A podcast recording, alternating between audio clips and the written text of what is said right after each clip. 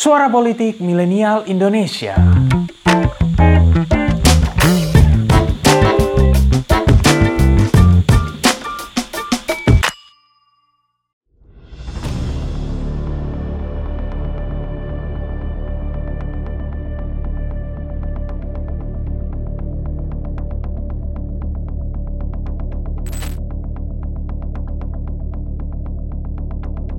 Laut China Selatan kini diramaikan dengan satu kapal induk teranyar sekaligus tercanggih milik Tiongkok yang menjadi penantang serius Super Aircraft Carrier AS kelas Gerald Ford. Kapal induk baru ini diberi nama Fujian.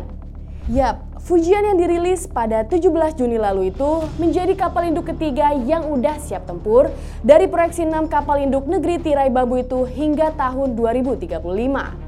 Secara aset, hadirnya Fujian juga semakin menguatkan posisi Tiongkok sebagai negara paling kuat dari sisi angkatan laut. Eits, gak hanya dari segi Navy loh, militer Tiongkok yang berkembang secara signifikan secara keseluruhan juga disebut menjadi ancaman serius bagi AS. Mengacu pada data terbaru ini, terlihat jelas tuh ya kapabilitas militer Tiongkok mulai dari jumlah personilnya, kekuatan angkatan darat, udara, dan lautnya, sampai logistik dan aspek geografisnya.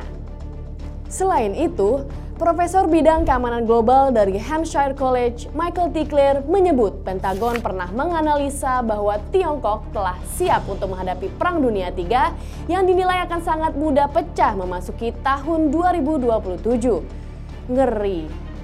Ditambah, pada tahun 2030, Tiongkok diperkirakan udah memiliki 1000 hulu ledak nuklir atau tiga kali lebih banyak dari saat ini dan Claire sebut ini udah cukup banget untuk mengketar-ketirkan negeri Paman Sam. Lalu kenapa ya militer Tiongkok itu bisa kuat dan berkembang sangat pesat? Inilah jaya-jaya-jaya militer Tiongkok.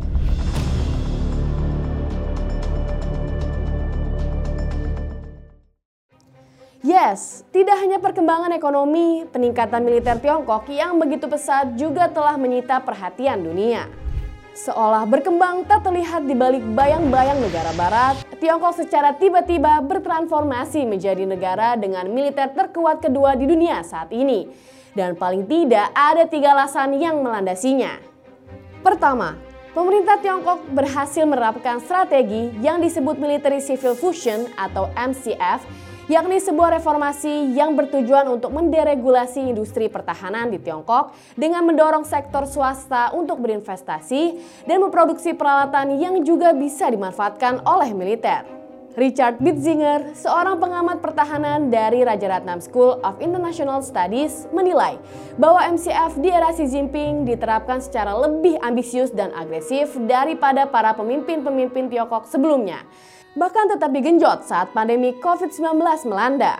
Yang kedua, terkait eksploitasi perkembangan teknologi yang signifikan, John Batman dalam US-China Technological Decoupling menilai bahwa kunci perkembangan militer Tiongkok adalah perkembangan teknologinya. Pemerintah Tiongkok mampu mengakselerasi riset yang dimiliki sejumlah perusahaan dan universitas untuk mengembangkan teknologi militer dengan memberikan stimulus dan perlindungan politik. Berdasarkan riset yang dilakukan Australian Strategy Policy Institute atau ASPI, Partai Komunis Tiongkok PKT memiliki sejumlah relasi dengan berbagai perusahaan big tech domestik. Ini kemudian mampu menjamin segala aktivitas lead bank bisa dilaraskan dengan kepentingan pertahanan negara. Dan yang ketiga adalah kemampuan meniru Tiongkok terkait teknologi militer negara-negara maju. Pengamat militer Chris Osborne menyebut bahwa kemampuan itu menjadi alasan kenapa teknologi angkatan bersenjata Tiongkok bisa begitu cepat berkembang. Bahkan mampu membuatnya dengan biaya lebih murah dan jumlah yang lebih banyak. Yap, Tiongkok berhasil bertransformasi dari kopi The Master menjadi Sang Master. Sabi sih.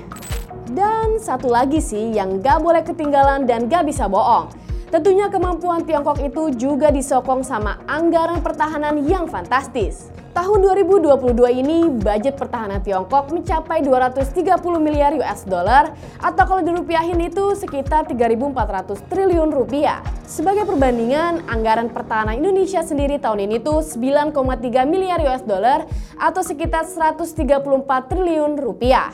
Hmm, Menurut Sipri, Tiongkok juga jadi negara dengan peningkatan anggaran pertahanan paling konsisten di dunia, yakni sebanyak 27 tahun berturut-turut. Beh, pantesan. Gak cuma itu, ada faktor eksternal lain yang dinilai berkontribusi bagi terus melesatnya kekuatan militer Tiongkok, yakni kegagalan AS. Kok bisa? Jadi, Nahal Tusi dan Lara Seligman dalam tulisannya di laman Politico menilai bahwa ada dugaan AS tuh keliru dalam menakar potensi ancaman militer Tiongkok. Menurut salah satu sumber anonim dalam pemerintahan Biden, saat ini sedang ada review masif soal data intelijen AS, terutama tentang kapabilitas militer Tiongkok yang sebenarnya. Selain karena aspek kerahasiaan dan manipulasi Tiongkok dalam menutup-nutupi perkembangan militernya, Review itu dilakukan akibat fokus spionase AS lebih condong pada potensi eskalasi konflik di Eropa, terutama terkait Rusia. Di sisi lain, Xi Jinping juga cerdik dalam membersihkan spionase asing yang menyasar militernya. Disebutkan bahwa sejak 2010, pemerintah Tiongkok secara sistematis telah membunuh atau memenjarakan banyak mata-mata CIA dan berhasil melumpuhkan jejaring intelijen asing lain di negaranya. Anyway, tahun 2027 sendiri bertepatan dengan anniversary 100 tahun Angkatan Bersenjata Tiongkok. Dan seperti yang udah disebutkan sebelumnya sama Mr. Claire, Pentagon udah mewanti-wanti kalau kekuatan militer Tiongkok bisa aja memicu Perang Dunia III yang katanya sih bermula dari isu Taiwan. Hmm, ngeri juga ya. Nah, kalau menurut kalian gimana? Apakah kekuatan Tiongkok benar-benar semengerikan itu? Dan sebaiknya apa ya yang harus dilakukan Indonesia untuk mengantisipasinya? Berikan pendapatmu. Terima kasih telah mendengarkan episode kali ini. Nantikan episode-episode selanjutnya dan jangan lupa untuk kunjungi pinterpolitik.com untuk dapatkan informasi seputar fenomena politik di Indonesia. See you next time and bye-bye.